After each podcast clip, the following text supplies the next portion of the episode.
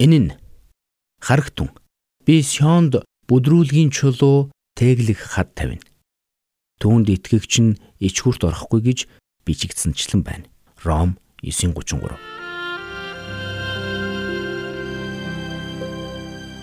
Мэргэний сонсог, мэдлэгийн тэлэг.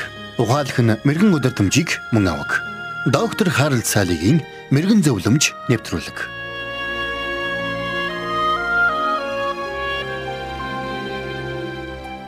Ээжлийг баг байхад нь аав нь түүнийг чамлан голж чи юунд ч хүрч чадахгүй юм байна.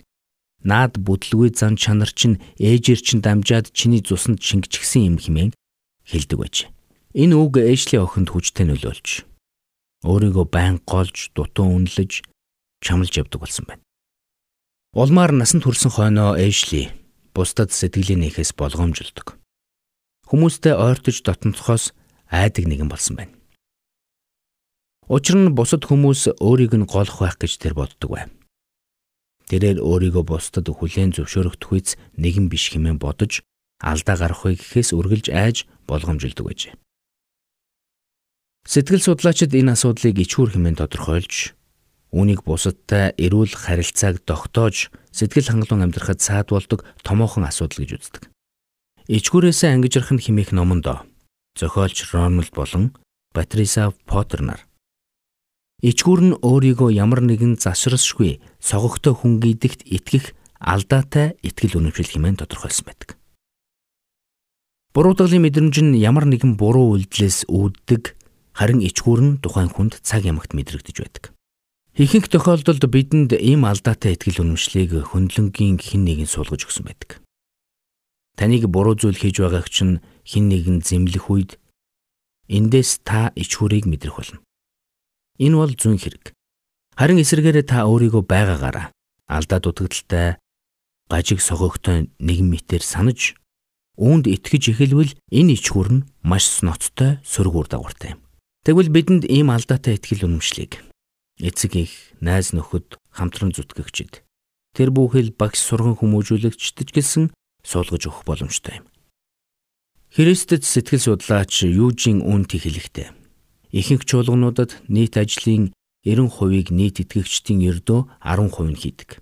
Учир нь тэдний ихэнх нь үүгээрээ бусдад хүлээн зөвшөөрөгдөнө гэж боддог гэсэн байдаг. Тэгвэл өнөөдөр маш олон хүний дотор байнга мэдрэгдэж байдаг энэхүү таагүй мэдрэмжээс бид хэрхэн ангижрах вэ? Ичгүүрийн хүлээснээс тайлагдах арга зам бий гэж юу? Та дараах энгийн зөвлөмжүүдийг тэмдэглээд аваарай. Эдгээр нь таныг ичгүүрийн шоронгоос чөлөөлөхөд чинь туслах түлхүүр байх болно. Нэгдүгээр зөвлөмж. Өөрийн дотор байгаа ичгүүрийн цаад их сурвалжийг олж тогтоо.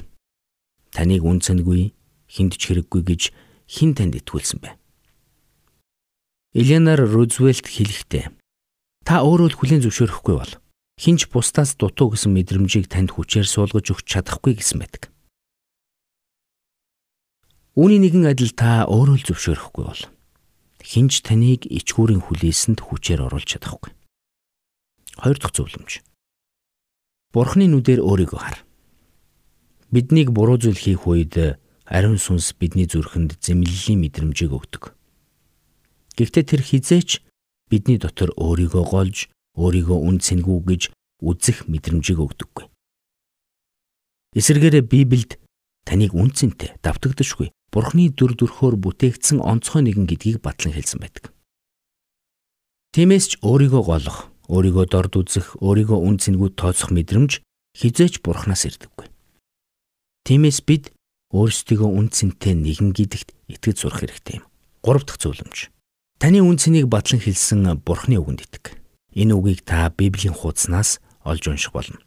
Сонирхолтой сүлийн үед сэтгэл зүйчдэж гисэн Библиэд бичигдсэн утга санааг ихээр ашиглах болсон байна. Тиймээс та Библийг уншиж тэнд таны үн цэнийн талаар юу гэж бичсэн байгааг олж мэдэн тэр үгэнд эргэлзээгүй итгээрэй.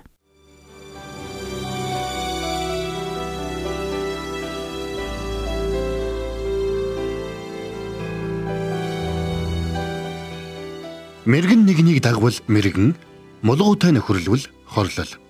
Доктор Харалт Салигийн мэрэгэн зөвлөмж нэвтрүүлгийг танд хүргэлээ.